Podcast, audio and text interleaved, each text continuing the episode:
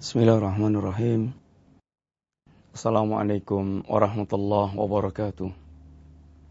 Innal hamdalillah wassalatu wassalamu ala Rasulillah wa ala alihi wa ashabihi wa mawala wala haula wala quwata illa billah amma ba'd.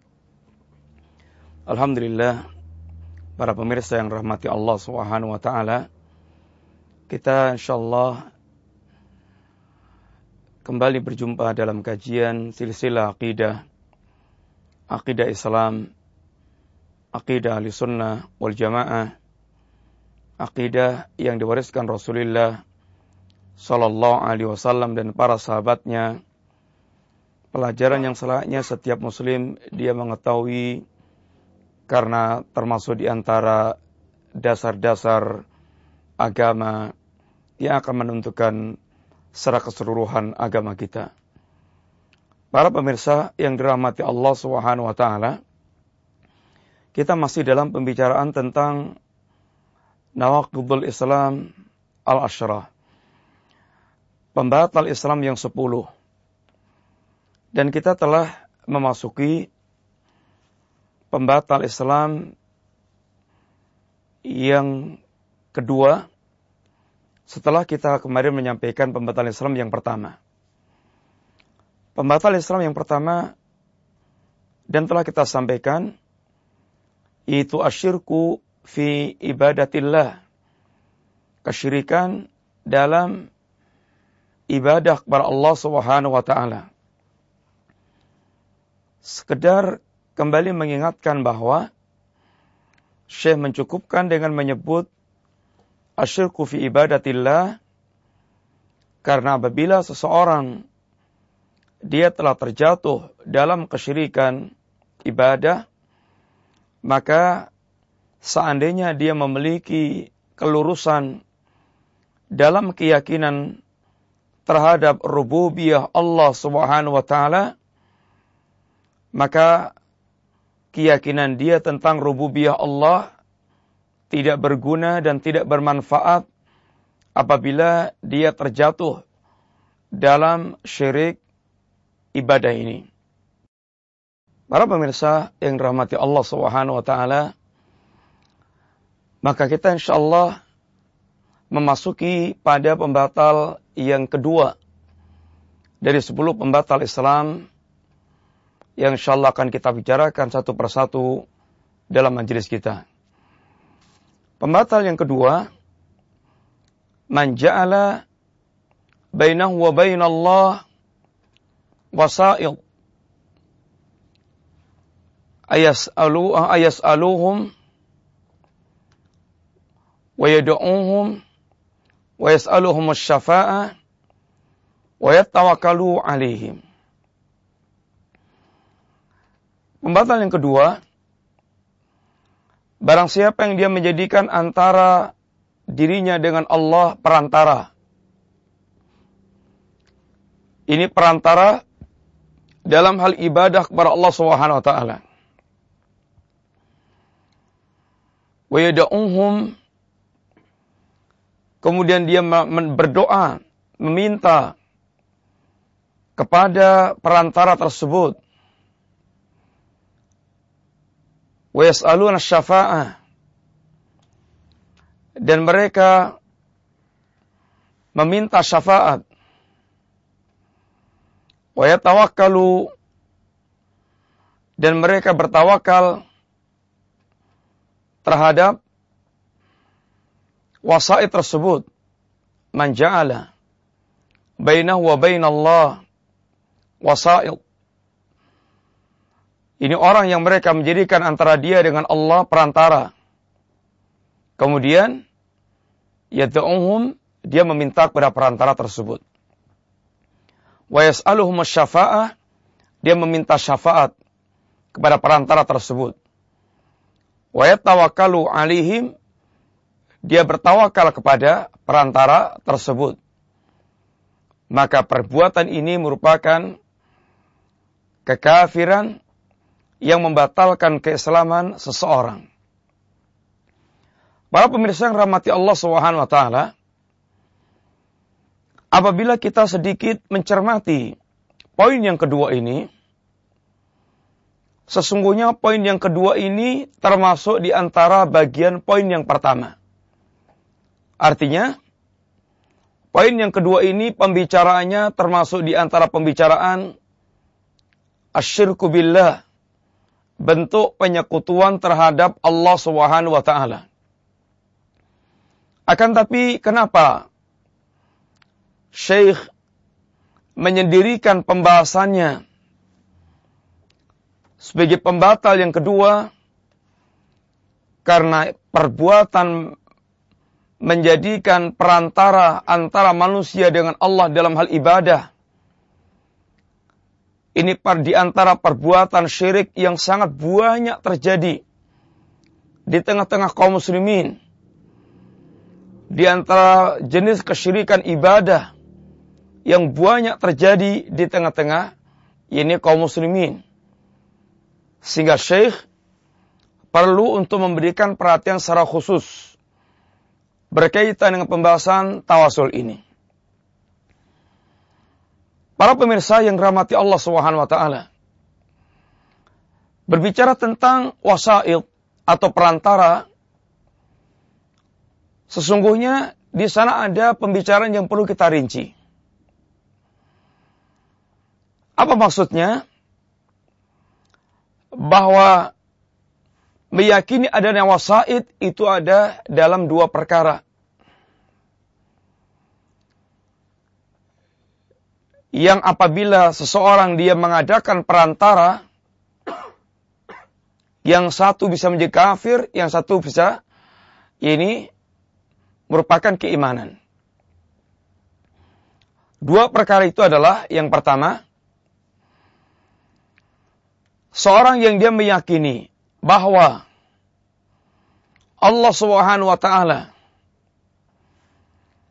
mengangkat perantara mengambil perantara dari kalangan para makhluk dalam menyampaikan risalah kepada manusia maka orang yang meyakini adanya perantara dalam masalah risalah ini maka ini sesuatu yang wajib bahkan sesuatu yang seorang mukmin ini wajib untuk meyakini adanya perantara dalam masalah risalah tersebut di mana Allah Subhanahu wa taala mengangkat perantara antara Allah dengan manusia dalam menyampaikan risalah. Allah Subhanahu wa taala di antaranya menjadikan Jibril ini utusan Allah untuk menyampaikan wahyu kepada Rasulullah sallallahu alaihi wasallam. Maka dalam hal ini Jibril telah menjadi perantara antara Allah dengan Rasulullah sallallahu alaihi wasallam dalam masalah menyampaikan wahyu. Demikian pula Rasulullah sallallahu alaihi wasallam merupakan perantara antara Allah dengan kita semuanya manusia dalam menyampaikan risalah Allah Subhanahu wa taala. Dengan demikian, para pemirsa yang rahmati Allah, keyakinan kita tentang perantara dalam perkara wahyu ini sesuatu yang wajib. Wajib kita menetapkan perantara tersebut. Apabila kita mengingkari adanya perantara antara Allah dengan manusia, antara Allah dengan makhluk dalam masalah risalah ini, maka justru kita menjadi kafir. Kemudian, yang kedua, ini perantara di dalam masalah ibadah. Manusia dalam beribadah kepada Allah Subhanahu wa taala maka tidak membutuhkan perantara. Allah Subhanahu wa taala memerintahkan kepada kita untuk berdoa dan beribadah secara langsung kepada Allah. Ud'uni astajib lakum. Berdoalah kalian kepadaku. Dan Allah tidak memerintahkan kita beribadah kepada Allah dengan mengangkat perantara. Tapi berdoalah kalian kepadaku langsung dalam beribadah kepada Allah Subhanahu wa taala langsung tanpa adanya perantara. Maka mengangkat perantara dalam perkara ibadah ini merupakan perbuatan kesyirikan terhadap Allah Subhanahu wa taala. Karena dalam masalah ibadah seorang hamba kepada Allah ditunaikan dengan langsung dan tidak menggunakan adanya perantara untuk menjembatani ibadah kita kepada Allah Subhanahu wa taala tidak dibutuhkan. Para pemirsa yang dirahmati Allah Subhanahu wa taala, apabila kita mencermati sebagian kelompok dari kalangan kaum muslimin, ini sebagian kelompok tarekat sufiyah. Justru kalau kita amati bertentangan dengan apa yang harus kita yakini tentang perantara tersebut. Contoh, dalam masalah risalah, seharusnya kita berkeyakinan bahwa malaikat Jibril adalah perantara antara Allah dengan Rasulullah Sallallahu Alaihi Wasallam dalam menyampaikan wahyu. Maka Jibril merupakan Rasul ini perantara antara Allah dengan Rasulullah Sallallahu Alaihi Wasallam dalam menyampaikan wahyu. Demikian pula Rasulullah SAW merupakan perantara Allah dengan kita manusia dalam menyampaikan wahyu risalah. Orang sufi, sebagian mereka justru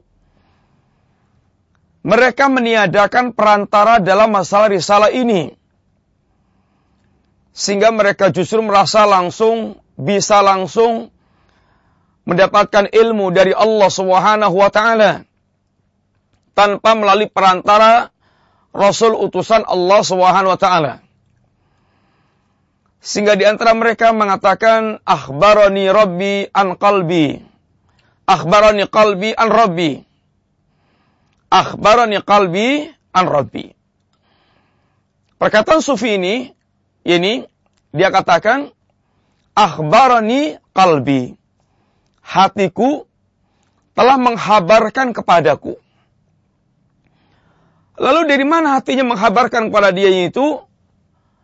Akhbarani qalbi an rabbi yang hatiku katanya mendapatkan pemberitaan, mendapatkan ini perkataan langsung dari Allah Subhanahu wa taala. Para pemirsa yang rahmati Allah Subhanahu wa taala, maka di sini sebagian tarekat sufia ini justru mereka menjadikan perkara dalam masalah risalah ini dia langsung mengambil ilmu dari Allah Subhanahu wa taala. Maka ketika mereka mengomentari ahlu sunnah, bahwasanya ahlu sunnah itu mengambil ilmu dari mayit ke mayit. Dari orang mati ke orang mati. Apa maksudnya? Menjadi bagian alusuna dalam masalah penulisan ilmu dengan sanat. Umpamanya kita mengatakan hadis, sebuah hadis, kemudian an fulan, an fulan, an fulan, an fulan, an Rasulullah sallallahu alaihi wasallam. Dari fulan, fulan dari fulan, fulan dari fulan, dari Rasulullah sallam beliau bersabda. Kalau ditanya si fulan mana? Udah jadi mayit. Terus fulan yang disebutkan lagi sudah jadi mayit. Sehingga kamu mengambil ilmu dari mayit ke mayit. Demikian orang sufi dalam dia yaitu menilai tentang sanat pengambilan ilmu dari ahlu sunnah. Adapun dia merasa mengambil ilmunya langsung dari Allah Subhanahu wa taala akhbarani qalbi an rabbi sehingga ilmunya itu langsung dari Allah Subhanahu wa taala. Inilah sufi. Sebaliknya justru dalam hal ibadah seharusnya ibadah itu langsung kepada Allah Subhanahu wa. Akan tapi di kalangan sufi justru kita akan mendapatkan bahwa mereka beribadah kepada Allah Subhanahu wa bahkan seakan mewajibkan untuk mengadakan perantara dalam ibadah ini dari kalangan para makhluk, mengangkat perantara dari kalangan para makhluk. Sehingga kita sering mendengar sering mendengar dan sering mendapatkan bahwasanya mereka menjadikan wali fulan, wali fulan, wali fulan menjadi perantara. Bertawasul dengan wali fulan, wali fulan, wali fulan. Untuk dijadikan sebagai perantara dalam rangka mendekatkan diri kepada Allah Subhanahu wa taala. Para pemirsa yang rahmati Allah Subhanahu wa taala, ketahuilah bahwa mengambil perantara dalam masalah ibadah kepada Allah Subhanahu wa taala, mengambil perantara di kalangan para makhluk dalam rangka mendekatkan diri kepada Allah Subhanahu wa taala dan keyakinan mereka tentang kesucian makhluk yang dia ambil sebagai perantara itu yang akan menjadi pembela di sisi Allah Subhanahu wa taala baginya ini sesungguhnya justru keyakinan kaum musyrikin Quraisy yang dengannya Allah Subhanahu wa taala menjadikan mereka kafir musyrik. Mari kita sedikit cermati firman Allah Subhanahu wa taala tentang orang-orang musyrik yang mereka mengambil perantara dalam beribadah kepada Allah Subhanahu wa taala. Di antaranya Allah katakan dalam sebuah ayat Walladzina yad'una min dunillahi ma na'buduhum walladzina ya'buduna min dunillahi ma la yadhurruhum wa la yanfa'uhum Ma na'buduhum illa liyuqarribuna ila الله zulfa. Inna الله yahkumu bainahum fima hum fihi yakhtalifun. Inna الله la yahdi man huwa كاذب kaffar. Yang maknanya, orang-orang yang mereka menyembah selain Allah Subhanahu wa taala sesembahan yang mereka yakini tidak bisa mendatang menolak madarat dan tidak bisa mendatangkan manfaat.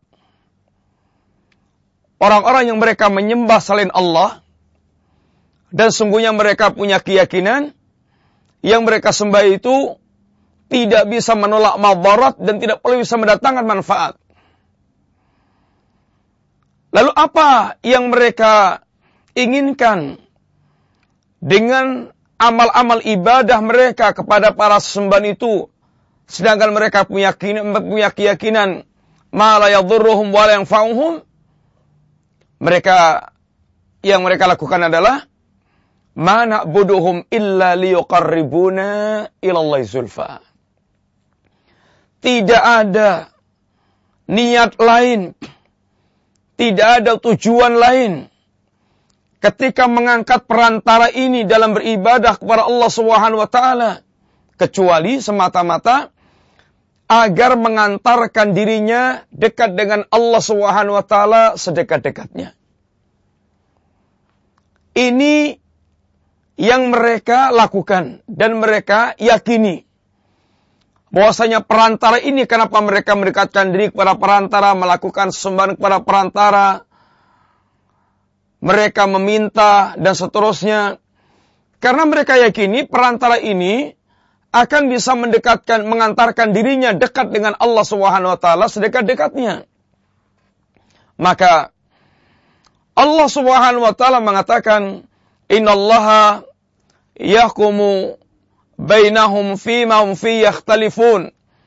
Allah Subhanahu wa taala nanti yang akan menghakimi, memutuskan perkaranya. Orang-orang yang mereka apa yang mereka perselisihkan. Nanti Allah yang akan memutuskan sehingga menunjukkan mana yang benar, mana yang batil. Kemudian Allah tutup ayatnya dengan kalimat innallaha la yahdi man huwa kadibun kafar. Sesungguhnya Allah Subhanahu wa taala tidak memberikan petunjuk kepada orang yang mereka kadib, berdusta, kafar lagi kafir. Perhatikan para pemirsa yang rahmati Allah dalam ayat tersebut. Ada tiga poin penting dalam ayat tersebut. Yang pertama, bahwasanya mereka ketika melakukan berbagai macam persembahan kepada perantara-perantara itu, mereka tujuannya semata-mata agar perantara ini menjadi perantara untuk mendekatkan diri kepada Allah, bisa mengantarkan kepada Allah sedekat-dekatnya. Ini yang pertama.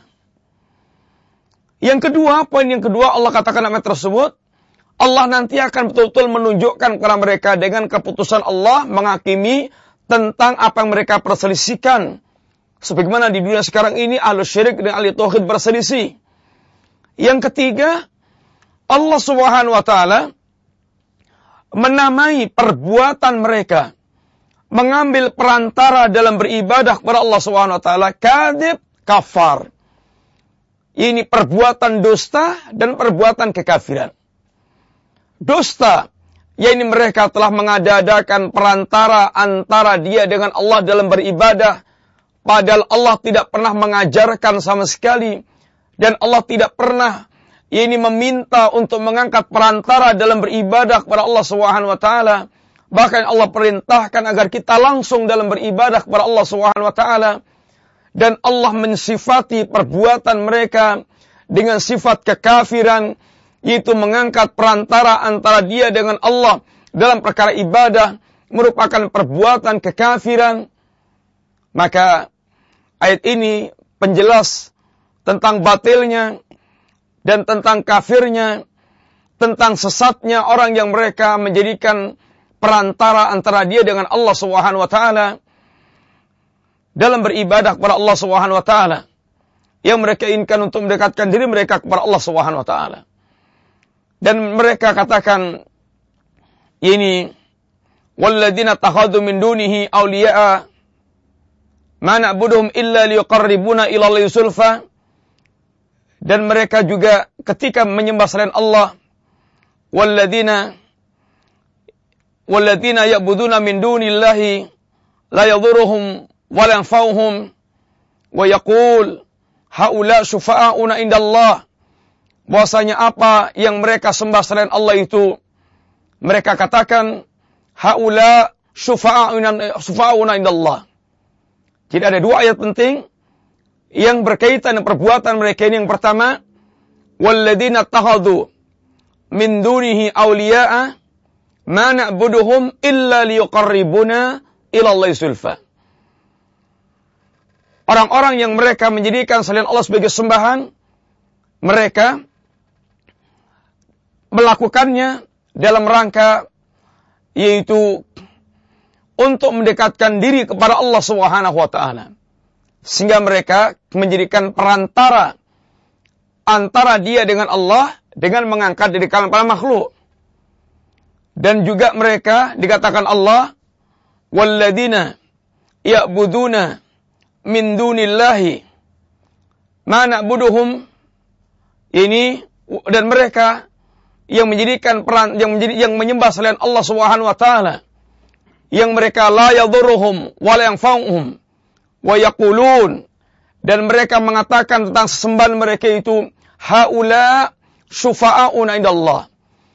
Mereka itulah para pemberi syafaat kepada kami di sisi Allah Subhanahu wa taala. Para pemirsa yang rahmati Allah Subhanahu wa taala, maka perhatikan lagi ayat yang pertama yakni yang mereka wayabuduna min dunillahi la yadurruhum wa la yanfa'uhum ma na'buduhum illa liqarribuna ila sulfa. Mereka mengatakan bahwasanya yang mereka sembah itu dalam sebagai perantara untuk mendekatkan diri kepada Allah SWT. Yang kedua, mereka yakini haula syufa'auna indallah. Mereka adalah para perantara, mereka para pemberi syafaat yang akan memberikan pembelaan bagi mereka di sisi Allah Subhanahu wa taala. Dan Allah tegaskan perbuatan mereka adalah ini kadibun kafar, mereka telah berdusta dan perbuatan mereka merupakan perbuatan kekafiran sehingga mengangkat perantara antara dia dengan Allah Subhanahu wa taala merupakan perbuatan yang bisa membatalkan keislaman kita. Mudah-mudahan Allah Subhanahu wa taala menjauhkan kita dari perbuatan yang akan merusak agama kita, apalagi merusak pondasi agama kita, yakni mengangkat perantara antara makhluk dengan Allah dalam beribadah kepada Allah Subhanahu wa taala. Insyaallah kita sambung dalam pertemuan berikutnya. Wassallallahu ala nabiyyina Muhammadin wa ala alihi wasallam. Assalamualaikum warahmatullahi wabarakatuh.